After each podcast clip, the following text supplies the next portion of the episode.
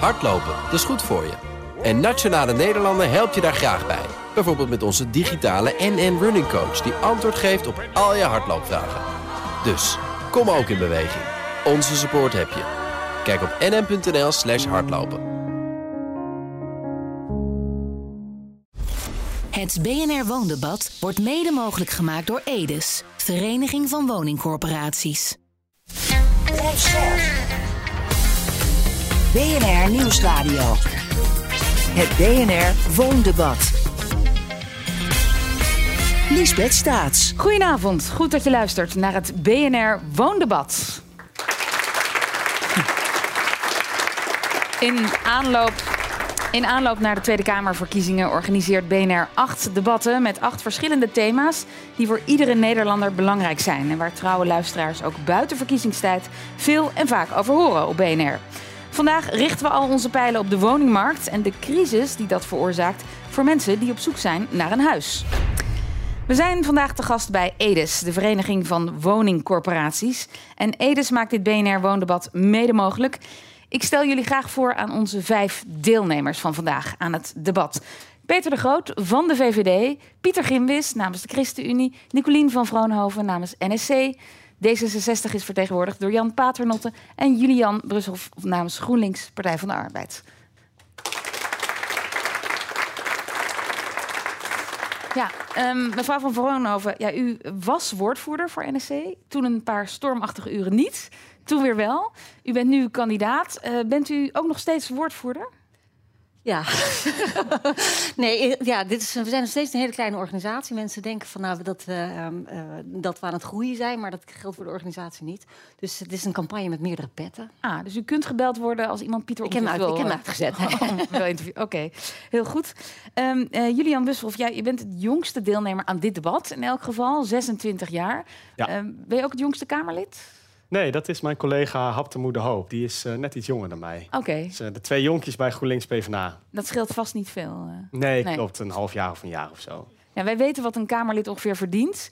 Um, ik kan me voorstellen dat, dat wonen op orde is. U heeft vast gewoon een goede huurwoning, koopwoning ja. misschien? Ja, klopt. Ik heb als jongere het geluk dat ik inderdaad een uh, huurwoning heb in Groningen... tussen Vinkhuizen en Paddenpoel. Maar dat is voor heel veel generatiegenoten van mij niet uh, weggelegd. Nee. Dus vandaag ook een heel belangrijk debat uh, volgens mij. Ja. En hoe gaat dat uh, op avondjes met vrienden? Kijken die mee met je met een scheef oog? nee, uh, ik moet zeggen dat ik wat minder avondjes met vrienden de laatste tijd heb dan me lief is.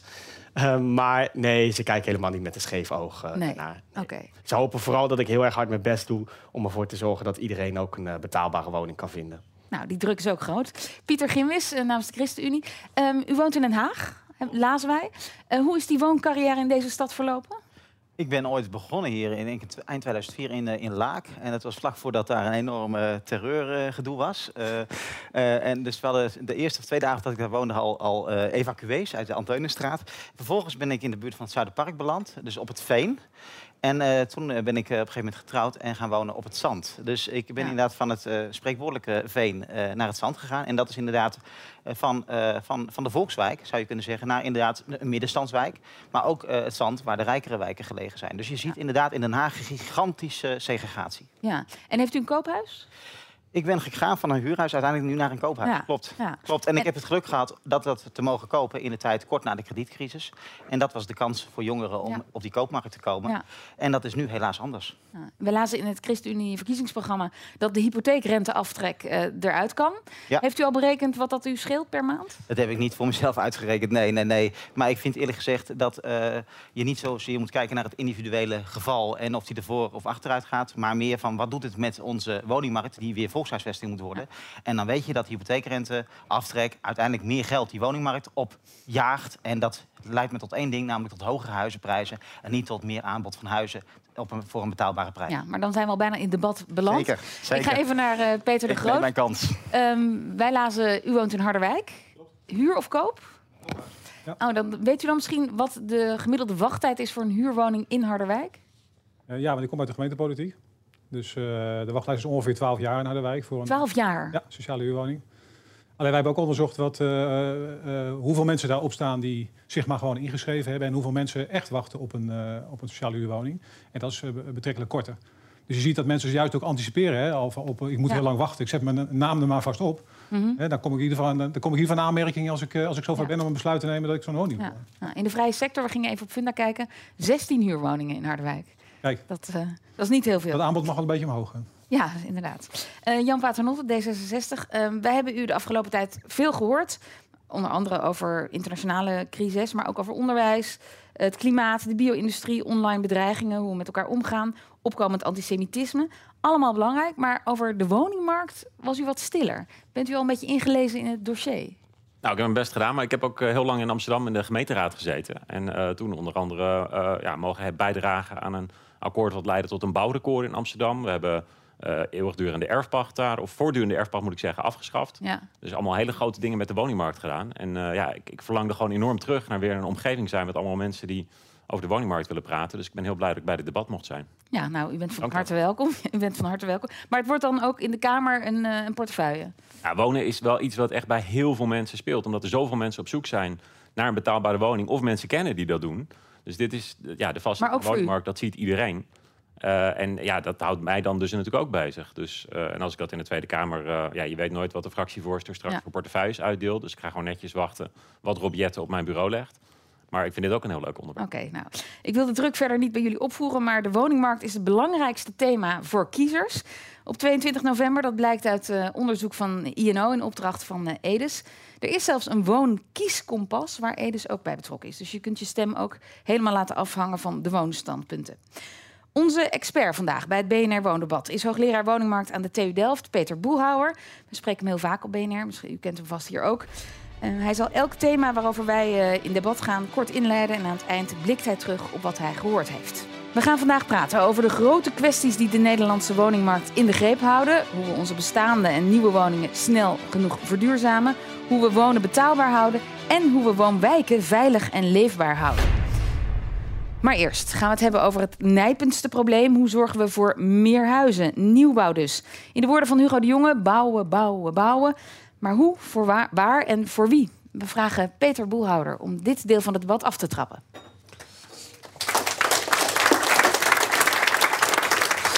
Ja, dankjewel Liesbeth. Ja, ik moet het heel snel doen. Als je inderdaad mensen vraagt wat is een probleem, dan krijg je heel veel verschillende problemen. Maar dit is wel de belangrijkste. Wat we zien is in de afgelopen jaren, afgelopen tien jaar, dat de bouwproductie behoorlijk fors gedaald is. Dat heeft te maken met in mijn ogen verkeerde beslissingen die we in de vorige crisis genomen hebben. Aan de andere kant zien we dat vanaf 2015 de bevolking enorm snel stijgt. En dat komt met name door arbeidsmigratie. Dus we zien een oplopend woningtekort. Nou, dat is dan becijferd, daar kun je op afdingen, maar dat is rond de drie- 390.000 woningen. Eh, en dat is ongeveer bijna 4 4,8, bijna 5 procent van de vorige. Dat is sinds ik onderzoek doe, dat is heel lang, heb ik dat niet meer meegemaakt. Ehm, nou, wat er moet gebeuren is, en dat zijn alle partijen het wel over eens, is dat er fors moet geïnvesteerd worden en gebouwd moet worden. Maar dat horen we al jaren. Dus de partijen die het moeten doen, die verzaken. Hoe krijgen we die partijen weer aan, aan het werk? En daarnaast hebben we te maken met een dubbele vergrijzing. Veel meer ouderen, ook nog eens 80 plus. Ja, we moeten eigenlijk, denk ik, met onze productie daarop eh, op inspelen. Hoe gaan we dat doen? Ehm, nou, ja, je kunt zeggen dat het huidige beleid wat die partijen gevoerd hebben, dat het gewoon niet gewerkt heeft. De laatste twee jaar zijn de bouwvergunningen aan het dalen. We zijn van twee jaar geleden 76.000 bouwvergunningen naar 66 en ik verwacht dit jaar 50, 55. Terwijl het beleid was toch echt om naar 90.000 woningen te gaan. Dus je kan zeggen, het werkt niet. Wat ik ook heel benieuwd ben, is naar de financiële inspanningen die de verschillende partijen eh, hiervoor willen organiseren. Nou, mijn vraag, hè, dan komt nu met een, met een centrale vraag. De afgelopen twee jaar is het aantal bouwvergunningen sterk teruggelopen. Mede door de forse stijging van de kosten. Nou, mijn vraag is, hoe gaan partijen die, eh, die dalingen, dalende productie keren? En zijn ze bereid ook hiervoor eh, substantiële financiële bedragen uit te trekken? En hoe gaan ze zorgen dat die uitvoering ook gaat slagen? Dus niet alleen wensen, maar ook uitvoeren. Ja, duidelijk. Dankjewel, Peter Boelhouwer, eh, voor deze aftrap. Die vragen gaan we jullie eh, allemaal stellen. Maar eerst even wat ons nog opviel in de verkiezingsprogramma's van de ChristenUnie en de GroenLinks Partij van de Arbeid. Ehm, daar, daar lezen we dat er jaarlijks 100.000 woningen bijkomen. Komt een beetje overeen met de ambitie nu van het demissionaire kabinet. Meer bouwen willen we allemaal. Maar eh, Peter de Groot, bij de VVD zien we bijvoorbeeld geen hard getal. Eh, daar is vast een reden voor. Ja, omdat het vooral zaak is, het werd net ook al gezegd, hè, om die bouwproductie niet te laten inzakken. We moeten gewoon meer bouwen. 100.000 woningen is een prachtig mooi richtgetal. Maar het mogen er van de VVD ook 150.000 zijn als het lukt hoor. We hebben jaren in Nederland gehad waarin het lukte met elkaar 120, 125.000 woningen toe te voegen. Mhm. Ja, dat zou ik liever willen als je kijkt naar het nijpende kort wat er is. Ja. Dus we moeten eigenlijk de knop omdraaien. We moeten niet dalen, maar we moeten stijgen. En de VVD wil er geen hard getal aan vastplakken. Maar laten we duidelijk zijn, we staan naast die huurders en die kopers. Dus er moet veel, flink meer bij. Ja, en, en denkt u dat het wel haalbaar is, 100.000 woningen per jaar? Ik zou niet weten waarom niet. Oké, nou. Ik zou niet weten waarom niet. Nee. En uh, Nicolien van Vroonhoven, bij eh, NSC lezen we dat er een minister van Volkshuisvesting moet komen met een taakstelling voor het jaarlijks aantal te bouwen woningen. Dat is een citaat. Ja, bij het thema migratie, we debatteerden daar uh, eergisteren nog over, weten we van NSC dat de partij met een hardcijfer komt, maximaal 50.000 migranten per jaar toelaten.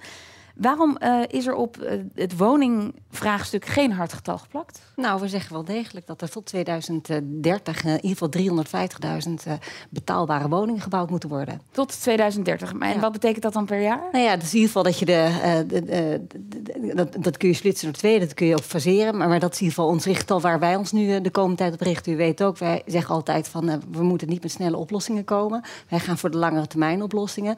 Dit, zijn, dit is het doel wat wij voor Oké, okay, 2030 is dan het uh, eerste. Nou ja, dan moet het er ook zitten. Maar het betekent wel dat we de komende jaren meteen moeten beginnen met een, uh, met een ja. voorstart. Want we hebben een enorme achterstand in te halen. Ja. Zeven jaar, dus dat is eigenlijk ook 50.000 per jaar. Dat was de quote. Betaalbare woningen. Betaalbare, 50.000. Nou ja, ik hoorde... Maar daarmee ben je er nog niet. Die 150.000 woningen tot 2030 is 50.000 per jaar. Dus dat, ja. is, uh, dat is hetzelfde als het quotum, dus dat is makkelijk te onthouden. Denk ik. Betaal, betaalbaar. ja. Uh, Julian Bushoff, 100.000 uh, voor GroenLinks Partij van de Arbeid. Um, ja, hoe gaan jullie dat waarmaken? Nou, ik denk dat de fundamentele vraag die eronder ligt is... laat je het, uh, de wooncrisis vooral over aan de markt... Of zeg je nee, er moet een grotere rol komen voor de overheid. En als GroenLinks PvdA geloven wij erin dat je een grotere rol moet pakken als overheid. Mm. En dat betekent dat je woningbouwcorporaties bijvoorbeeld in staat stelt om meer sociale huurwoningen toe te voegen. Alleen dan moet je er ook wel echt knaken bij doen. Dat staat ook verpakt in de vraag. Hoeveel zijn partijen bereid om te investeren in bijvoorbeeld sociale woningbouw? Nou, en dan zou bijvoorbeeld een goed begin zijn om de VPB, die winstbelasting op corporaties, af te schaffen. Mm -hmm. Zodat ze gewoon meer financiële ruimte krijgen om inderdaad in te zetten op onder andere de bouw van nieuwe sociale huurwoningen. Ook een beetje middenhuur, het verduurzamen van de woningvoorraad. Die ruimte moet je corporaties echt geven. Want wij geloven echt dat een sterke corporatiesector nodig is om de wooncrisis uh, het hoofd ja. te bieden. Maar ik wilde eerst nog even naar die 100.000 woningen. Want kijk, er zijn zoveel variabelen. We hebben een energiecrisis mm -hmm. gehad, personeelstekort. Nou ja, wat dat de komende jaren gaat doen, kunnen we niet precies voorspellen. Nee. Dus er is een grote kans dat die 100.000 bijgesteld moet worden. Is het dan niet ook een soort vorm van een belofte die je niet kunt waarmaken? Nou, het is de ambitie die we hebben. En de vraag is, welke concrete maatregelen leg je op tafel als politieke partijen... om zoveel mogelijk nieuwe en vooral ook betaalbare woningen bij te bouwen? Nou, een van de concrete maatregelen die wij noemden is corporaties meer financiële ruimte geven. Een ander belangrijk punt is bijvoorbeeld sturen op de grondprijzen. Op dit moment zien we dat grondprijzen vaak voor een groot deel bepalen wat uiteindelijk ook de prijs van een woning wordt. En zien we dat corporaties ook moeite hebben om betaalbare bouwgronden te vinden voor de bouw van nieuwe betaalbare woningen. Dus daarin zou je als overheid ook meer regie kunnen pakken en ervoor kunnen zorgen dat je als overheid actief grondbeleid voert. Ervoor zorgt dat je als overheid tegen een gereduceerd tarief grond weer uitgeeft aan bijvoorbeeld corporaties. Nou, dit zijn twee hele concrete voorstellen die ik zomaar noem... om ervoor te zorgen dat we meer betaalbare ja. woningen gaan bouwen. Nou, dat zijn twee concrete. Pieter Gimwis, is dat ook uh, de weg die de ChristenUnie op wil gaan... om die 100.000 woningen te halen? Ja, dat zijn een paar heel belangrijke maatregelen. Hè. Dus uh, de winstbelasting voor woningcorporaties, die schaffen wij af. Uh, dat staat ook in onze doorrekening, 1,4 miljard euro per jaar. Ik heb het bij de andere partijen, behalve dan PvdA GroenLinks, niet gelezen. Uh, dus ik ben benieuwd waar zij het geld voor woningcorporaties vandaan halen. Want dat is wel nodig om uiteindelijk dat bouwmotortje de komende jaren echt structureel aan te slingeren. Uh, naast, daarnaast willen wij dat de gemeenten, uh, die structureel eigenlijk te weinig middelen hebben, ook weer middelen krijgen om uh, woningen te bouwen. Maar er moeten niet alleen huizen voor gebouwd worden, niet alleen betaalbare grond voor beschikbaar gesteld worden, maar er is het ook voor nodig dat zij goede ambtenaren aannemen. Want misschien is op dit moment de beste maatregel wel om weer huizen te gaan bouwen, is een ambtenaar die als eerste geen, die, die een bouwvergunningsaanvraag krijgt, niet als eerste een uitstelbriefje stuurt, maar als eerste op dezelfde dag gewoon een stempel zet. Dit is een goed project, omdat hij snapt wat er wordt gevraagd en dat hij het ook in één dag kan afwerken. Ja. Nou, we hebben net een arbeidsmarktdebat achter de rug. Dus die goede ambtenaar die is wel moeilijk te vinden. We gaan even terug naar de vraag van Peter Boelhouwer. Want die vroeg zich dus af ja, of partijen bereid zijn om een soort bouwgaranties, kan ik het zo een beetje, in ieder geval financiering eh, te leveren, zodat we grote projecten geen vertraging oplopen. Ehm, Jan Paternotte, hoeveel geld, ja, laten we over euro's praten, hoeveel geld is D66 bereid daarin te investeren? Ja, verschillende dingen. We hebben natuurlijk door met uh, startbouwimpuls. We hebben daar nog van de week voorgesteld om daar nog extra geld in te steken, specifiek voor de, ook voor de studentenwoningen. Het afschaffen van de vennootschapsbelasting op woningcorporaties. Daar zijn we ook voor. Maar daar kunnen we en, wel zaken en overigens over niet, uh, overigens niet vanuit het idee dat we nou de markt of de overheid dat de een fout en de ander goed is. Maakt niet zo heel veel uit. Je moet gewoon kijken wat, wat werkt. Want je zult uiteindelijk alle partijen nodig hebben. En ik snap de oproep vanuit de markt ook heel erg goed dat ze zekerheid en duidelijkheid willen. En dat geldt hetzelfde voor de corporaties. Een overheid die steeds maar weer het beleid omvergooit met allemaal nieuwe dingen komt, die zorgt voor heel veel onzekerheid. En dat betekent ook dat bouwers gaan afwachten. Uh, het enige met die afschanking van de vennootschapsbelasting is dat Hugo de Jonge zegt dat het niet kan vanwege Europese regels. Dus daar zouden we dan nog even doorheen moeten. Want over het algemeen denkt Hugo de Jonge bij alles dat het kan. En dan gaat hij daarna kijken of het lukt. Dus als hij zelf zegt dat iets niet kan, dan word ik bijna pessimistisch. Maar ook daar zijn we voor. Oké, okay, en als dat niet lukt, waar moet het, dan, het geld dan vandaan komen? Nou ja, wat ik zeg, dus dat zijn uh, investeringen vanuit de overheid. Het gaat ook om uh, dat je, uh, dat, dat je ervoor gaat zorgen dat bij nieuwbouw. we willen die wet betaalbare huur, waardoor middenhuurwoningen eindelijk echt van de grond komen. Er, naast de 50.000 waar de corporaties al mee bezig zijn, dat we veel meer middenhuurwoningen gaan realiseren. Want daar zit een heel groot tekort natuurlijk. Mm -hmm. Maar dat je wel bij nieuwbouw dan de, de bouwers ook uh, het perspectief geven... dat ze wel iets op kunnen verdienen... waardoor ze in het begin iets van een opslag ja. erop kunnen zetten. Ja, het nieuws van deze week, vorige week moet ik zeggen... was dat ASML uh, zelf ook gaat investeren in vastgelopen bouwprojecten. Uh, ja, ze, ze, zeggen, we doen iets terug voor de maatschappij... maar ja, ze vinden het ook heel fijn om wat woningen in bezit te hebben. Nicolien van Vroonhoven, is dat een goed idee? Dat de grote ja. bedrijven in het land weer woonwijken... een beetje zoals het oude Philips. Het oude Philips, het oude ja. Stork. Maar je zag het ook bij de, bij de ziekenhuizen. Hè, de oude zuster, zusterflats. Vroeger had elke school ook zijn eigen directeurswoning. Uh, Gaan we daar weer naar terug? Nou, dat zouden wij helemaal niet erg vinden. Het is wel een gedachte waar we aan moeten denken. Want um, het, het betekent dat je inderdaad de verantwoordelijkheid... ook bij het bedrijfsleven of bij de, bij de instellingen zelf legt... om te helpen om uh, hier uit deze ja. impasse te komen. Nou, is het een goed idee? Nou, het is wel waar dat je natuurlijk alle partijen nodig hebt om meer betaalbare woningen te realiseren. Ik denk wel dat het primaat moet liggen bij een overheid die regie pakt. En daarnaast zou het best zinvol zijn om te kijken of je institutionele beleggers, pensioenfondsen, grote bedrijven.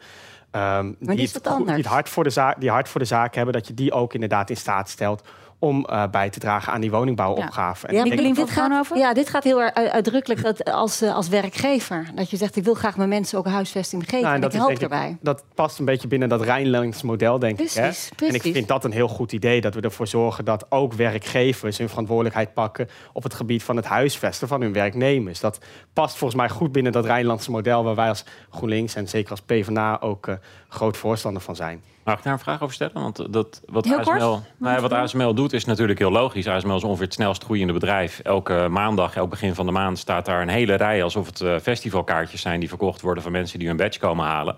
Omdat het het belangrijkste bedrijf van de wereld op dit moment is. Maar dat zijn wel voor een heel groot deel natuurlijk arbeidsmigranten. En ik snap ook dat ASML die nodig heeft...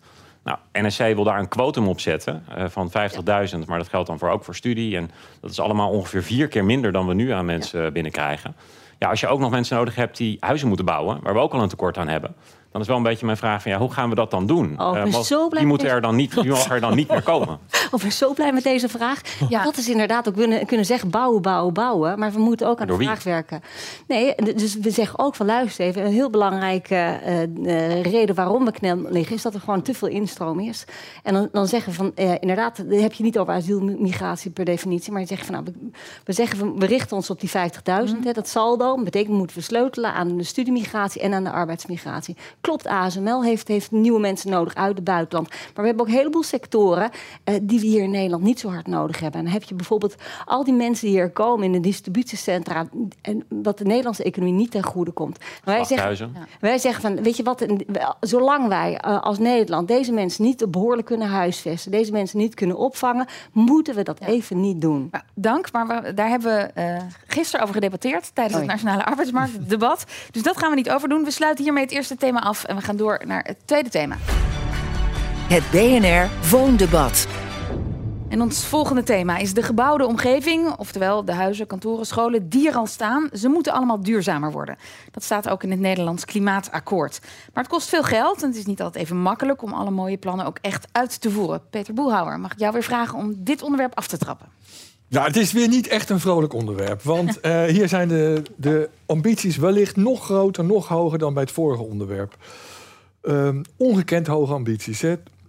Investeringen tot, wees, tot 2030, als je dat optelt in de gebouwde omgeving, richting de 200 miljard.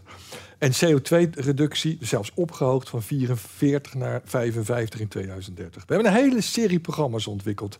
Regionale energiestrategieën, gemeentelijke energieplannen per wijk, programma's aardgasvrije wijken, isolatie van gebouwen, renovatie van versnellers. Er is één gemeenschappelijke noemer in deze programma's, en dat er weinig voortgang wordt geboekt. Het schiet niet op.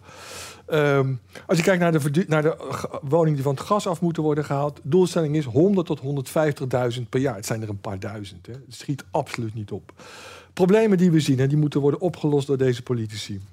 Een deel van de gebouweigenaren is financieel niet in staat om die benodigde investeringen op te brengen. Dat geldt zowel voor kleine particuliere beleggen, uh, eigenaren, dus gewoon kopers die, een, die, een kleine, met een kleine beurs een huis gekocht hebben, maar ook voor heel veel particuliere beleggers. Met name ook omdat ze fiscaal aan alle kanten worden aangepakt. Ze hebben gewoon geen middelen meer om dat te doen. Um, er is een financieel risico ook voor investeerders dat hun, hun vastgoed zelfs in waarde fors gaat dalen. Corporaties moet ik zeggen, we zijn bij Edes op bezoek, complimenten, want dat loopt redelijk op schema. Dus daar gaat het goed. Uh, ze worden niet voor niets ook de motor van de verduurzaming genoemd. Maar er is een, ook Edes geeft aan dat er onduidelijkheid is over de rol en de bevoegdheden van gemeenten. Mogen ze nou wel of niet wijken van het gas afhalen? Dat moet wel duidelijk worden. Uh, ontwikkelingen van warmtenetten stagneert. Minister wil dat ze publiek worden, waardoor investeringen nu vanuit de private sector wegvallen. Ook daar stagnatie. Um, nou, en dan vervolgens, hoe wordt de wet natuurbeheer fatsoenlijk werkbaar? we zijn allemaal geschrokken van die vleermuizen. Hoe kan het zijn dat we plotseling erachter komen dat we vleermuizen hebben, dat we twee jaar lang niet kunnen isoleren? Dat kan toch niet waar zijn? Hoe gaan jullie die wet natuurbeheer, hoe ga je die zo inrichten dat er wel uh, fatsoenlijk gewerkt kan worden? En ook hier geldt weer, de doelstellingen zijn prachtig, maar het schort gewoon in de uitvoering. Net zoals bij het vorige onderwerp. Nou, dan mijn vraag. Ik ben nog niet te streng, hè, hoop ik. Nee, gaat heel goed. Ja, goed zo. Nou. De verduurzaming van corporatiewoningen verloopt tot nu toe volgens plan. Maar die van particuliere verhuurders en eigenaar-bewoners loopt achter. Hoe gaan de politieke partijen ervoor zorgen dat ook deze partijen actief gaan worden? Dankjewel, Peter. Mooie aftrap. Ja, de particuliere uh, verhuurder of de huiseigenaar. Peter de Groot, uh, namens de VVD. Hoe zou u die, die groep willen laten verduurzamen? Of moeten we die vooral met rust laten, de huiseigenaren? Nee, ik denk het niet. Uh, kijk, als je kijkt naar, wordt al gezegd, hè, de doelstellingen zijn goed. maar het is, uh, het is nogal ver voor de bedshow van mensen thuis. Hè, mensen thuis die zijn bezig met hoe ze de einde, eind van de maand de eindjes aan elkaar kunnen knopen. Dus waar, we moeten Ook de particuliere verhuurder? Zeker. Zeker als je kijkt naar zeg maar, hoe ze nu extra belast worden. als je kijkt naar wat er, wat er op een bordje wat er aankomt. Hè. huurverhogingen die terecht in mijn ogen, hè, die niet meegroeien met de inflatie, maar met bijvoorbeeld CAO-verhogingen, dus die gekapt zijn. Um, ja, dus zitten zij ook wat te kijken van ja, wat kan ik dan nog in die woning investeren? Wat ga ik doen? Ga ik dat investeren in isolatie? In, in, eh, in... Maar, maar hoe gaan we ze zover krijgen dat ze dat wel gaan doen? ik heb al vaker in de Kamer voorgesteld om gewoon veel meer te gaan werken met wijkgerichte aanpakken. Uh, om ook uh, inwoners mee te nemen wat uh, de voordelen zijn die zij gaan voelen in hun eigen portemonnee. Mm -hmm. We hebben best wel veel subsidies hier in, in Den Haag klaarstaan. Dat gaat over voorlichting, dat gaat over hulp, dat gaat over mensen die het niet zelf op de bank hebben staan. Hoe kunnen zij aan een, uh, aan een okay, goedkope lening kunnen komen? En dan kunnen we met name bij die naoorlogse wijken, waar het over gaat, waar die winst zo groot is, kunnen we daar in ieder geval eh, tempo gaan maken met elkaar in de praktijk. Oké, maar ik, ik, ik, voel voorlichting, uh, informeren, maar zonder dwang. Ja, kijk, ik bedoel, uh, uiteindelijk gaat het erom is dat het gaat lonen voor die mensen. Want dan wil je dat toch ook? Ik bedoel, de, als jouw energierekening naar beneden gaat met honderden euro's per maand je kan dat doen door investeringen en, en, en door een uh, investering met subsidies en wellicht een, een, kleine lening. Dan loont het heel erg. Dan wil iedereen het meedoen. Alleen als dat wijkgericht gaat, dan gaat dat sneller. Jan Paternotte, uh, we lazen in, deze, het verkiezingsprogramma van D66 het Nationaal Isolatieoffensief. Gaat dat ook over particuliere verhuurders, huiseigenaren die daarin meegenomen worden? Ja, dat we trouwens wel, want uh, we kunnen wel wat in Nederland. Het feit dat de corporaties sneller verduurzamen nu en sneller die slechte energielabels afbouwen dan überhaupt gepland, vind ik heel mooi nieuws. We zijn kampioen zonnepanelen op dak van Europa. In die straten hebben we ook nog eens de meeste laadpalen staan van heel Europa. Dus dat is de afgelopen jaren heel hard gegaan. We hebben ook een hele goede minister natuurlijk uh, daarop zitten. Uh, Jette heet hij. Maar Wat, uh, wat je inderdaad ziet is dat natuurlijk uh, de koopwoningen... dat veel mensen daar bij de duurdere koopwoningen investeringen zelf kunnen doen... of dat de corporaties dat kunnen doen. En de plekken waar mensen dat niet zelf zomaar even kunnen doen... dat daar dan ook niet zo heel veel gebeurt. Moet er dan geld dus daarom komen? is dat offensief daar om tegen mensen te zeggen... we gaan je een all-inclusive pakket aanbieden. Zonnepanelen op het dak, isolatie eromheen en een warmtepomp erin. Dat levert natuurlijk allemaal winst op die zich over een bepaalde tijd terugbetaalt. En als je dat verrekent zonder dat mensen er zelf iets van merken... zowel van de lening, de investering die gedaan moet worden als dat ze vervolgens automatisch dat weer terugbetalen. Ja, dan heb je in ieder geval los van de verbouwing, die natuurlijk altijd zorgelijk is, heb je mensen volledig ontzorgd. En dat is volgens mij wat we moeten doen. Dus die financiering aan het gebouw vastzetten, aan het huis. En op die manier ervoor zorgen dat je mensen een all-inclusive pakket aanbiedt. Dan kun je ook mensen meekrijgen die niet binnen. Nou ja, of dat ze uh, een hele buurt hebben die dat er toch al mee bezig is, of in een corporatiewoning okay. zitten, dan kun je die ook meekrijgen. Pieter mag dat ook dwingender? Of dit, dit klinkt als een offer you can't refuse. Ja, maar... Ja, zeker. Drie, drie korte punten. Hè. Allereerst dat Nationaal Isolatieprogramma, eh, wat ik samen met CDA en GroenLinks eh, heb eh, geïnitieerd. Uh, dat is juist op gericht om juist uh, mensen die het niet zelf voor elkaar kunnen krijgen... of het geld niet op de rekening hebben staan, te ontzorgen. Je moet naar die mensen toe om ze te helpen. Want nu is het zo dat de individuele subsidies... je moet het eerst voorfinancieren. En als je het hebt gedaan, de maatregel, dubbel glas of wat dan ook... Ja. mag je het uh, declareren. Ja, zo werkt het natuurlijk niet voor mensen die geen geld hebben. Dus dat veel collectiever, straat voor straat, buurt voor buurt aanpakken. Het tweede is VVE's. Die vergeten we vaak, verenigingen van eigenaren. Die zitten eigenlijk tussen tafellaken en servet. Ze krijgen het niet voor elkaar. Want ja, soms is het van het collectief en soms is het privé. Dat moeten we doorbreken. En het derde is inderdaad, zonder het stellen van normen gaat het je niet lukken. Okay, dus zeggen? De corporaties weten gewoon al heel lang dat ze in 2028 alle slechte labels uh, eruit moeten hebben gewerkt. Dus elke uh, flat uit de jaren 60 goed geïsoleerd moeten hebben. En particuliere verhuurders weten nu ook dat ze in 2030 het voor elkaar moeten hebben. En uiteindelijk ontkomen we er ook niet aan om voor mensen met een eigen koopwoning, die we inderdaad moeten helpen met zo'n nationaal isolatieoffensief en met geld. Maar ook uiteindelijk moet er een norm zijn dat je dan en dan weet van dan moet ik eraan voldoen. Of op het moment dat je verhuist, dat je weet over een paar jaar moet die woning wat zuiniger zijn dan nu. Want op het moment dat je verhuist, dan is het ook mogelijk om via je hypotheek dat erbij te lenen en te organiseren.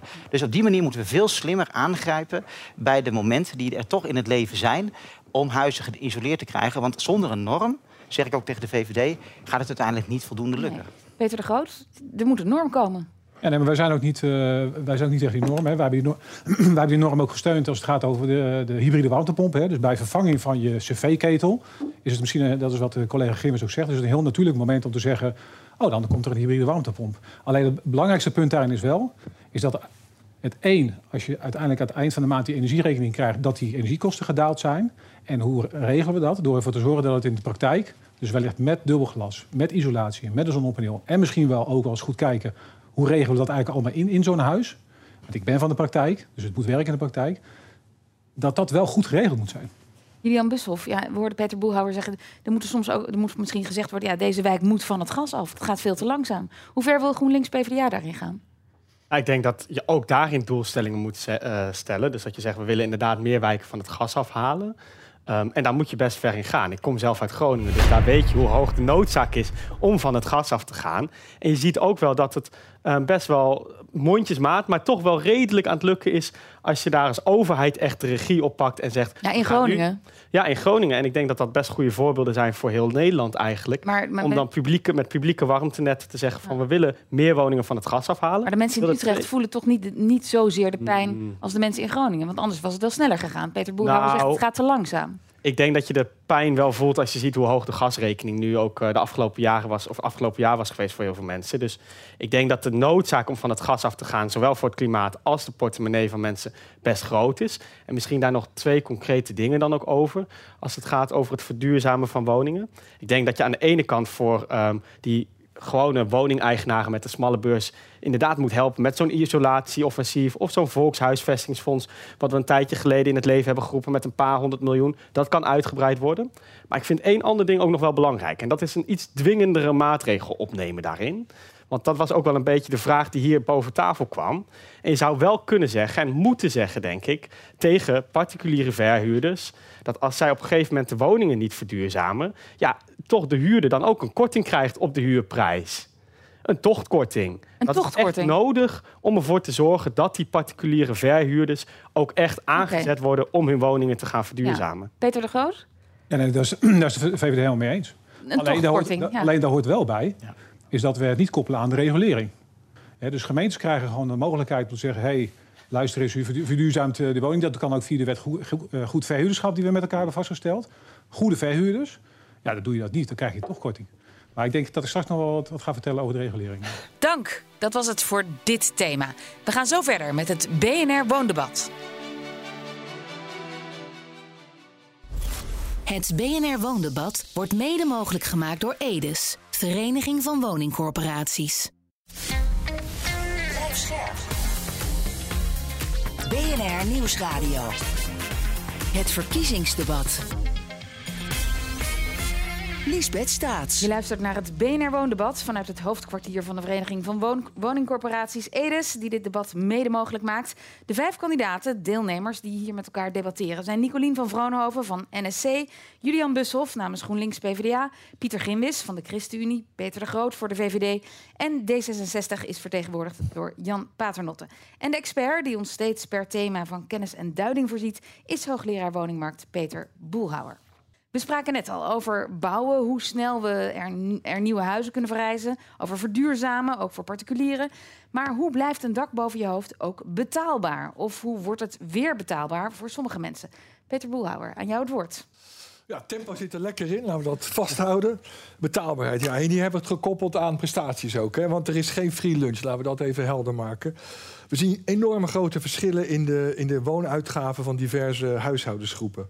Woonquotes van kopers zijn fors gedaald, hè, van 19% in 2015 naar 16,5. Ehm, maar bij de huurders zien we gelukkig een, een stabilisatie, maar met name door de energieprijs als 2021 nu ook grote problemen. En met name bij die minima eh, concentreren die problemen zich. Onderzoek van Edes onder andere en het Nibud, 24% van de huurders is niet in staat om gewoon de, noodzakelijke uitgaven te doen. Bij- ruim de helft kan maatschappelijk niet rondkomen. Ehm, nou ja, dan hebben we nog die energieprijzen die daar toen nog niet eens meegenomen zijn. Aan de andere kant hoge inkomens, zwaar gesubsidieerd met zonnepanelen, warmtepompen, zeer lage energieuitgaven en ook nog eens renteaftrek als ze een koophuis hebben. Enorm grote verschillen hier. Ehm, wat ik zelf vind is dat er, een, en dat vraag ik ook aan de politici, er is geen duidelijk ehm eikpunt. Wat, wat is nou een, een betaalbare woning? Dat doen we voor kopers wel. Hè. Dat wordt dat heel strak ge- geregeld in de financieringsnormen, de gedragscode, hypothecaire financiering. Bij huurders laten we dat gewoon in het midden. Kunnen jullie aangeven wat, wat nou wel een betaalbare huurwoning is? En wie is verantwoordelijk voor dat, huur, eh, voor, dat, eh, voor dat huurprobleem volgens jullie? Gaan we de in, mi- minimuminkomens verhogen? Of de, de uitkeringen? Gaan we de, de verlagen? Of gaan we misschien iets aan de woonkwaliteit doen? Gaan we die wat, bij, wat, wat verminderen? is ook een optie. Maar er moet wel gekozen worden hier. Ehm, een ander probleem is waar met name de investeerders, eders ook, maar ook de particuliere verhuurders tegenaan lopen, is dat eh, ja, de, de, de investeringen zeer, beperkt worden door, eh, ja, door, die, eh, door die extra uitgaven. En ook doordat de huren sterk gematigd zijn. Dus het is ja, nieuwbouw, duurzaamheid en lage huren, dat kan gewoon niet samen. Dus hier moeten ook keuzes gemaakt worden. Nou, dan is mijn, mijn vraag. Mede door de gestegen rente zijn corporaties niet langer, en ik richt nu op corporaties, maar het geldt eigenlijk voor meer groepen, om de gewenste woningproductie van 300.000 woningen tot 2030 te realiseren. Een van de oplossingen hiervoor is het verhogen van de inkomsten via bijvoorbeeld huurverhogingen. Zijn politieke partijen toe bereid? Zien zij andere oplossingen? Of accepteren zij een lagere productie en veel minder duurzaamheidsinvesteringen? Dankjewel, Peter. Nou, hand omhoog. Wie is er voor huurverhogingen van eh, onze deelnemers? Ook niet. Nou, nee, niemand. Niemand steekt zijn hand omhoog. Naar welke oplossingen moeten we dan gaan kijken, Peter de Groot? Ja, kijk, ik verbaas me een beetje over het begin van dit debat eh, v- vandaag. Want daar wordt gesteld, hè, er wordt de rol helemaal eh, aan de overheid gegeven. Hè. Eh, alleen het is, het is natuurlijk zo is dat de markt bouwt die woningen. En wat je nu ziet is dat al deze partijen die hier vandaag meedoen aan het debat... die zeggen, hoor, laten we de investeerders... laten we daar in ieder geval ook eens even voor zorgen door middel van regulering... dat we eens even de investeringskraan nog wat verder dichtdraaien. En aan de andere kant zeggen we, joh, de overheid moet meer bijplussen. Dus dat is broekzak verzak. Ik heb het hier over de huur- huurregulering. De VVD wil dat anders. Die wil daar ruimte in geven, zodat ook investeerders, zoals pensioenfondsen en andere investeerders, mee investeren in eh, meer, eh, meer huurwoningen. Dat zorgt ervoor is dat het aanbod groeit. En dat is goed voor de lange termijn.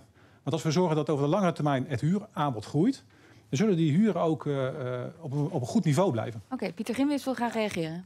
De mensen met een gewoon inkomen en gewoon middeninkomen, die eh, niet in staat zijn een huis te kopen, ook niet zomaar bij de sociale huurmarkten tussenkomen, ja, die zijn het haasje, die zijn het kind van de rekening. En daarom is het goed dat we de huurbescherming, de huurprijsbescherming iets uitbreiden. En ja, daar moet je een voorziening in treffen dat het wel aantrekkelijk wordt.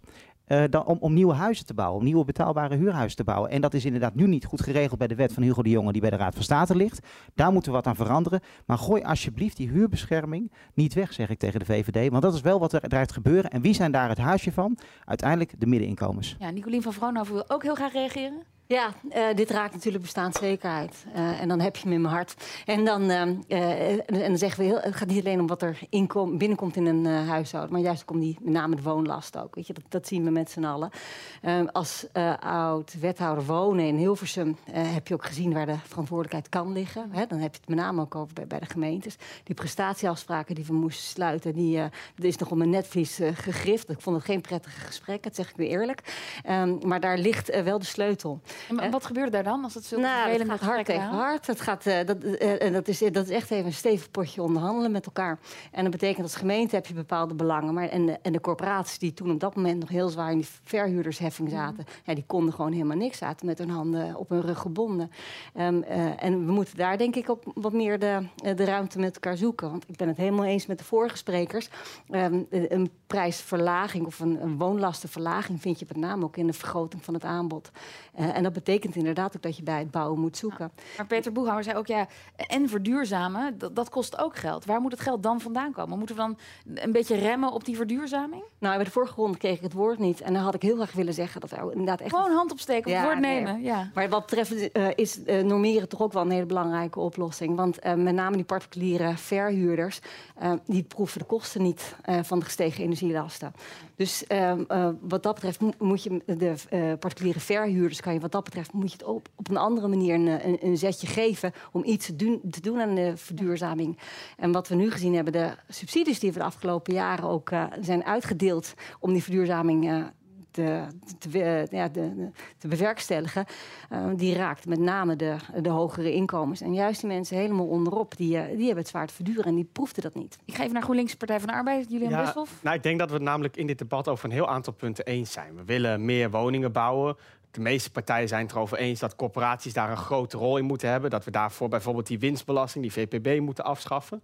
Maar één fundamenteel punt, daar verschillen we echt van mening. Zeker de VVD en GroenLinks en PvdA. En dat gaat over dat reguleren van die vrije huursector.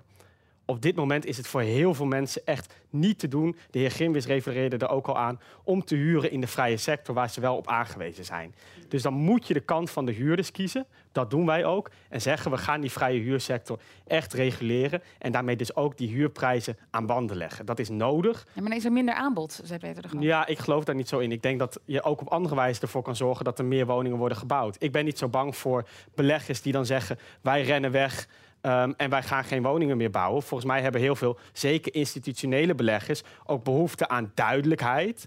Willen zij best wel ehm, gewoon huurregulering. Moeten ze gewoon een klein beetje rendement nog kunnen halen uit een investering. En dat kan prima als je de vrije huursector reguleert. Want het rendement dat sommige huisjesmelkers en pandjesbazen nu halen uit die huurinkomsten, dat is echt veel te hoog. Ja, en daar zijn wij gewoon niet voor. Je moet echt voor de huurder gaan staan en zorgen dat die huurprijs omlaag gaat. Peter de Groot, VVD. Ja, de VVD staat ook naast die huurder. Hè. Laten, we geen, laten we niet eh, onverkeerd over zijn. We willen ook dat er meer sociale huurwoningen wordt gebouwd. Hè, we hebben er ook voor gezorgd, samen met, eh, met de coalitiepartijen... dat voor heel veel huurders met een laag inkomen de huren verlaagd zijn. En zo hebben we nog meer ingrepen gedaan. Alleen laten we wel zijn, het feit is wel... door de, alleen al de aankondiging van deze regulering... is dat investeerders liever in het buitenland investeren. Door de aankondiging zijn er gewoon heel veel huurwoningen... die nu van de markt al verdwijnen doordat ze verkocht worden. Dus dan kun je wel zeggen, we staan naast Ja. de huurder. Alleen ze verdwijnen. maar de VVD zegt niet dat we niet excessen tegen moeten gaan. VVD zegt redelijke huren. Maar het gaat over de langere termijn. Dit is een hele makkelijke korte termijn. Maar het het gaat interessante- over de lange Het termijn. interessante is dat investeerders vaak eh juist zeggen... Ja, kom toch maar weer door met die wet. Want dan weten we in ieder geval waar Ja, we aan toe zijn. Eh, en inderdaad, zorg dan wel dat er ook een opslag in zit... zodat je bij nieuwbouw er ook wat rendement uit kan halen. Maar ja, wat ik bij de VVD dan mis is gewoon het realisme. We hebben een sociale huursector. Nou, die is heel groot in Nederland en dat is mooi. Maar voor mensen die voor de klas staan... of eh, stel dat je samen woont twee keer het minimumloon... Ja, dan kom je daar alweer niet voor in aanmerking. En daarom zijn die middenhuren zo ongelooflijk belangrijk. Is het zaak dat we voor de mensen die net daarboven zitten, dat we daar wel iets van bescherming gaan inzetten. Want op dit moment, ja, door de schaarste, zal het gat zo groot zijn dat een normale huurwoning gewoon niet te betalen is voor mensen met een middeninkomen. Dat is het realisme wat ik ja, wat dat betreft mis bij de VVD. En het zou mooi zijn als de VVD daarop kan draaien. Want dan geef je ook zekerheid aan de markt. En dan weten we in ieder geval dat nou, ook een volgend kabinet hiermee doorgaat. En laten we één ding niet vergeten. hè. De afgelopen jaren heeft de markt natuurlijk niet de oplossing gebracht voor meer betaalbare woningen. We zitten nu in een wooncrisis met veel onbetaalbare woningen, met name in die vrije huursector. Dus er is geen enkel bewijs en enkele logische aanname om te zeggen: we laten alles bij het oude, we geven de vrij spel aan de markt om ervoor te zorgen dat er meer betaalbare huurwoningen bij komen. De overheid moet ingrijpen voor dat grondrecht op betaalbaar wonen. Dat punt is gemaakt. Er valt dus veel te kiezen voor de luisteraar. Dat is eh, heel positief aan deze ronde. Dank voor nu. We gaan door naar het volgende thema. Het BNR Woondebat. We beginnen met eh, goed nieuws. Volgens INO Research is 85% van de Nederlanders tevreden tot zeer tevreden over de leefbaarheid in een buurt. Nou, hoort wel meteen een hele belangrijke context bij, want er bestaat een groot verschil in tevredenheid tussen kopers en corporatiehuurders bijvoorbeeld, of mensen in de steden en daarbuiten. Peter Boelhouwer, hoe staat het met onze leefbaarheid? Nou, ik moest het heel snel doen met dit blok, dus dat ga ik doen. Nou, inderdaad, de, de meerderheid van de, van de Nederlandse bewoners woont gewoon prima. Dat is ook heel eh, goed om te constateren. Maar wat we zien ook weer in onderzoek eh, Veerkracht in het corporatiebezit van Edes... is dat dat wel sinds 2012 aan het schuiven is eh, geraakt. En dan met name in bepaalde buurten. En daar staan bijna 800.000 corporatiewoningen. Wat we daar zien is dat de ge- gezondheidsbeleving en de kwetsbaarheid in die wijken daalt. De zelfredzaamheid neemt af. Ook hulp men kan, kan elkaar minder helpen. Je ziet echt ook in de statistieken dat de overlastcijfers aan het stijgen zijn. Ehm, ja, en je moet zelfs, er wordt zelfs in dat rapport gesproken van het ontstaan van vervalspiralen. Die kennen we allemaal uit de Bijlmermeer. Ehm dus het goede nieuws is, in heel veel buurten neemt de leefbaarheid toe, maar in een aantal buurten neemt die juist weer af. En de vraag is natuurlijk, hoe gaan we dat, eh, hoe gaan we dat aanpakken? Nou, mijn vraag in dit kader is aan de politici. De leefbaarheidsproblemen doen zich met name voor in naoorlogse wijken met veel corporatiebezit. En ook trouwens in vooroorlogse wijken met veel particulier bezit. Er zijn twee echt verschillende wijken. Hoe gaan de politieke partijen in deze gebieden het tij keren? Dank voor die vraag. Wij lazen in de verschillende verkiezingsprogramma's ook eh, verschillende meningen en visies op die leefbaarheid. Eh, Peter de Groot, wij lazen bij het VVD-programma... om wijken veilig te houden verhogen we de straffen op woondelicten... En we maken het makkelijker voor gemeenten om de Rotterdamwet in te voeren. En die Rotterdamwet, het ging toen om Rotterdam-Zuid. Daar moest de, eh, de leefbaarheid omhoog. En nou ja, mensen kon je dan uit bepaalde wijken weren. Bijvoorbeeld mensen met een strafblad of eh, bijstandsgerechtigden. Ehm, ja, dat was wel een hele controversiële wet, herinner ik mij. Ja, klopt, ja. ja. En, en, en soms, eh, er was ook onderzoek gedaan door de, onder andere de Universiteit van Amsterdam. Die zei, ja, de bevolkingssamenstelling die verandert dan wel. Maar de leefbaarheid of de veiligheid, die verandert niet. Nou ja, kijk, je kunt niet alleen zeggen van goh, ik zorg ervoor dat er andere mensen komen wonen of dat we er andere huizen neerzetten, zodat er meer een eh, betere mengeling eigenlijk in de wijk komt van hè, wie woont daar. Ehm, maar je zult meerdere dingen moeten doen. Ik denk dat die aanpak ook eh, die is multi, eh, ja, multidisciplinair, als, als je het een moeilijk woord pakt. Hè. Dus je zult, je zult ook meer BOA's de straten moeten brengen. BOA's. Ja, je zult Ja? meer zichtbaarheid om criminaliteit te doen terugnemen. Dat zul je de straten moeten brengen. Je zult meer achter die voordeur moeten kijken. Wat, wat, wat gebeurt daar? Wie woont daar? Wordt daar illegaal gewoond? En zo kan ik nog een heel rijtje nemen. Het gaat natuurlijk ook over hè, van hoe draaien de scholen in die wijken. Ja, hoe is de samenhorigheid in die wijken? Ik heb, veel, ik, heb me veel, ik heb veel debatten daar gedaan met collega Grimmis. En als het dan toch gaat over vandaag eens een beetje de verbi- verbinding met elkaar zoeken. Ik heb ook veel van, van eh, collega Grimmis uit Den Haag mogen leren daarvan. Omdat die problematiek waar, uit, uit, uit waar ik vandaan kom, uit Harderwijk, Ja. veel minder groot is. Ja. En ik ben ook op werkbezoek geweest waarin je gewoon ziet dat op het moment als je ervoor zorgt dat die doorstroming uit die wijken op gang komt, is dat de problematiek ook echt afneemt. Nou, daar heb je onder andere de Rotterdam-vet voor nodig. Pieter Gimwis, ik kreeg net een compliment. Het gaat heel goed met de verbinding en Ja, de samenwerking. eh er worden hier eh, coalities gesloten. Ehm, maar toch even over die Rotterdamwet. Ja, die was in, in de, de ogen van een belangrijke onderzoeker. Die, die zei, ja, dit is discriminerend. Of, of eh, maakt de weg vrij voor discriminatie.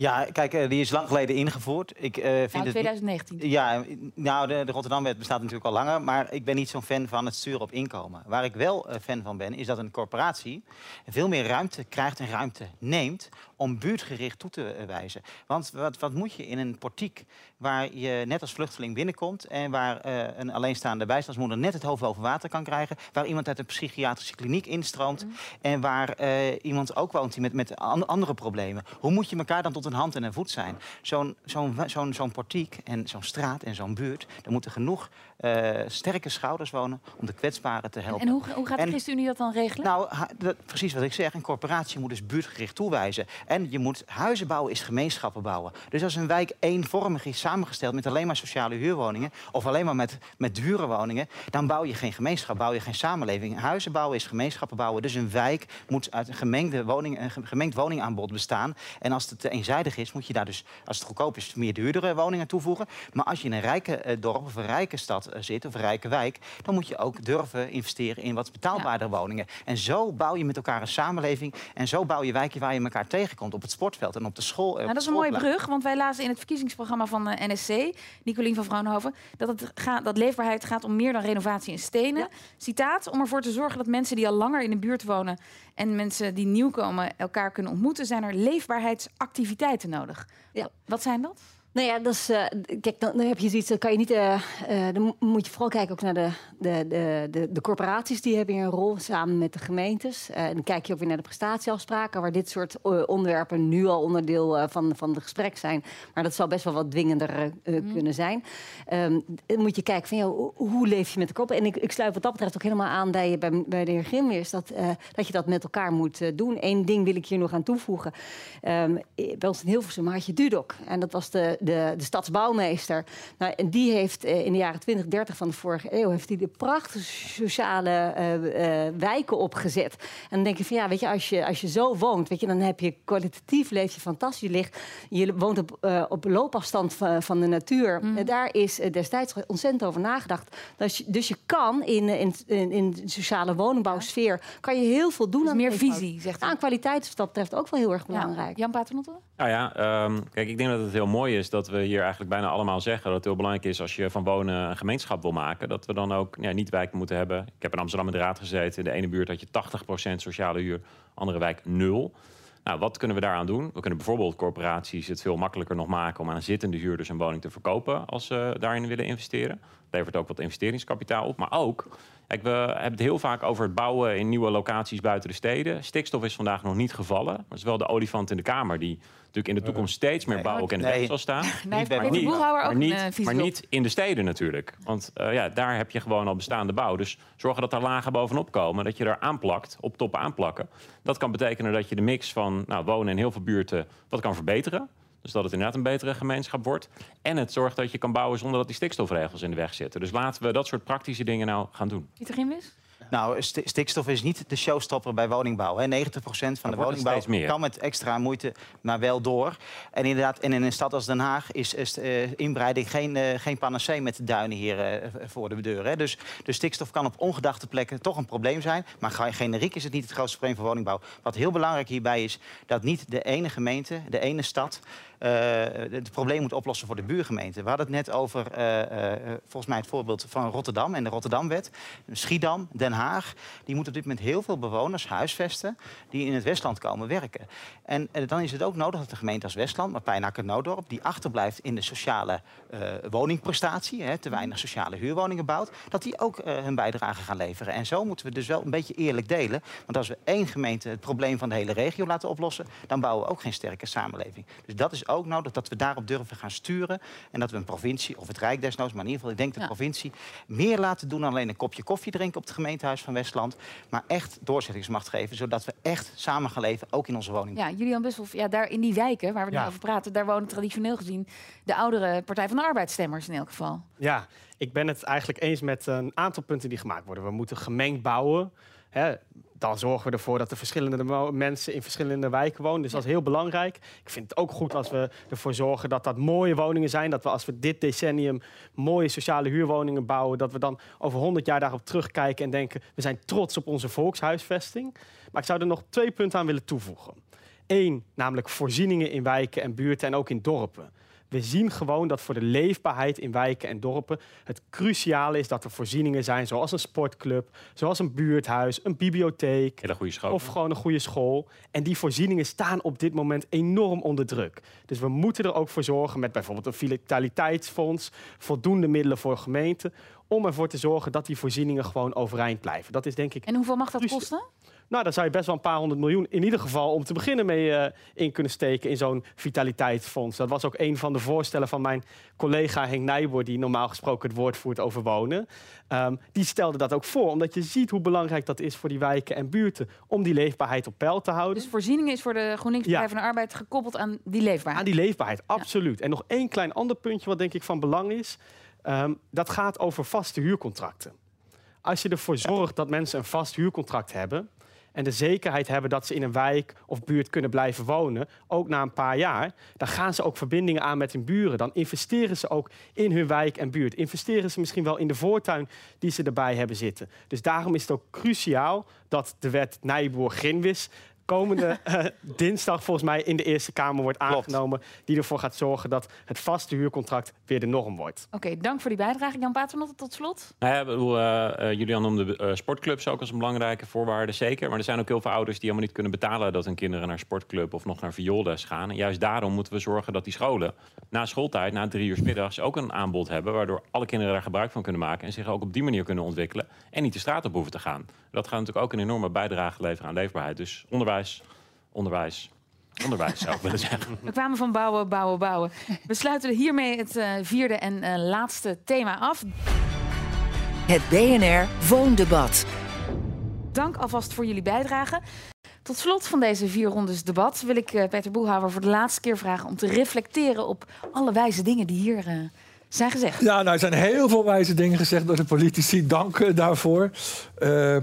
Ja, wat mij opvalt, en dat viel me ook al in de verkiezingsprogramma's op... en dat viel ook wel in het debat op... dat jullie op heel veel uh, onderwerpen toch wel redelijk eens zijn. Tuurlijk, er zijn altijd verschillen te, te, ontdekken. Je kan dus spreken over huurcontracten, of je ze wel of niet moet reguleren. Maar dan zegt de VVD, of tenminste de mensen die het wel willen reguleren... ja, maar dan moeten we wel zorgen dat er investeringscapaciteit overblijft. De VVD maakt zich daar zorgen over. Maar dan zit je toch wel ongeveer op dezelfde lijn, hè? En ook als ik de verkiezingsprogramma's doorlees, wat jullie allemaal willen is duurzame bouwmaterialen. Ook regie, hè, de rol van de woonminister moet sterker worden. Transformatie is iedereen voor. Verduurzaming moet allemaal gebeuren. Iedereen maakt zich nu ook weer sterk voor middeninkomensgroepen. Terwijl ik ook wel aangegeven heb dat er voor al de laagste inkomensgroepen ook een heel stevig probleem zit. Maar goed, de middeninkomensgroepen zijn hot momenteel. Dus dat zijn allemaal ontwikkelingen waar jullie redelijk eens zijn. We hebben niet gesproken over de locaties waar gebouwd moet worden. Maar daar zie ik nog wel hele grote verschillen tussen de partijen. Waar gaan we bouwen? Dat kan ik nu niet allemaal uitdiepen. Maar daar voor de mensen die moeten gaan kiezen, moeten daar nog maar eens naar gaan kijken. Want daar is, is echt wel onderscheid uh, tussen. Um, wat ik ook wel interessant vind. Ja, en ik heb een essay gemaakt. Hè, en daar ook probeert aan te geven. We moeten een aantal structurele uh, aanpassingen doen. Nou, een paar partijen doen dat wel, een paar partijen niet. Hè. Bijvoorbeeld, ik ga niet alle partijen noemen. Maar bijvoorbeeld speculatie met bouwgrond. Het, het eigendomsneutrale beleid. Dat zie ik bij sommige partijen duidelijk wel terug. En bij anderen niet. Daar moeten we ook goed naar gaan kijken. Maar daar zie ik dus wel verschillen tussen die partijen. Uh, ja, dus dat, uh, dat is een algemene indruk. En ja, af en toe ging het een beetje knetteren, een beetje spetteren. Maar dan kwamen jullie toch weer uh, gezamenlijk uit. Dus nou ja, dat is ook wel positief, denk ik. Want dat betekent wel dat we in ieder geval... dat iedereen wel een, redelijk gedeelde probleemanalyse heeft. En daar begint het toch wel mee. Hè? Als we al niet met elkaar eens zijn van wat het probleem precies is, dan komen we niet. Een probleem wat ik daar wel mee heb, is dat we dat natuurlijk eigenlijk al een aantal jaren weten. En dat jullie in de Kamer dat ook al vaak hebben geroepen. En ik heb ook aangegeven dat als ik naar de praktijk kijk, dat er gewoon een aantal dingen gewoon niet goed gaan. Ja, en dan heeft voor een deel te maken toch echt met de complexiteit die we met z'n allen geschapen hebben. We hebben niet zozeer gehad over de regels, die zijn de procesgang, maar daar zit toch echt een heel groot probleem. Als je bij de Raad van State grote bouwlocaties, die nu twee jaar lang liggen te wachten bij de Raad van State, mind you, dan schiet het natuurlijk niet op. Een LNG-terminal, waar we vanmorgen op een congres daar hoorden we, LNG-terminal, binnen een jaar hebben we dat gebouwd. Dat moet normaal in acht jaar. Ik zie trouwens in sommige programma's, heb ik dat wel gezien hoor, dat je dat wil versnellen. Daar zit denk ik echt een, een dus gewoon de uitvoerbaarheid, heel simpel. Hoe gaan we dat doen? We zijn het er wel mee eens dat het moet gebeuren, maar hoe ga je het nou doen? En dan, ja, toch ook de financiën is toch wel een hele belangrijke. Want We komen gewoon op een aantal punten komen we gewoon investeringscapaciteit tekort. Als we, naar het, we hebben enorme opgaves op die terreinen. Als we nou eens naar onze voorvaders gaan kijken, onze vorige generaties, die hebben daar altijd in geïnvesteerd. En wij zeggen, de markt moet het doen. En de markt, dat zijn wij zelf. Dat is de eerste gebruiker. Volgens mij kan dat gewoon niet meer. Je moet kleur bekennen. We zullen middelen beschikbaar moeten krijgen om dat echt te gaan organiseren. Ik weet niet hoe lang ik nog heb. eh. Nou, eigenlijk, eigenlijk eh, Niet. bent u klaar? Nou, is goed. Dan ben ik klaar. Dankjewel. Dank, Peter Boelhouwer.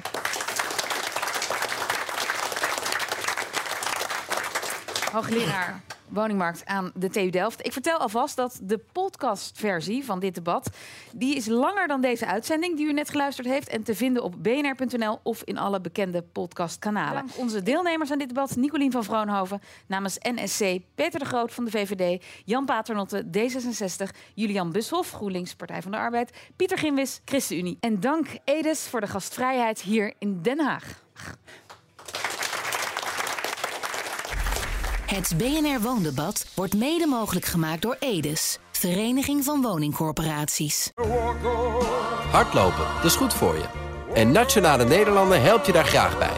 Bijvoorbeeld met onze digitale NN Running Coach... die antwoord geeft op al je hardloopvragen. Dus, kom ook in beweging. Onze support heb je. Kijk op nn.nl slash hardlopen.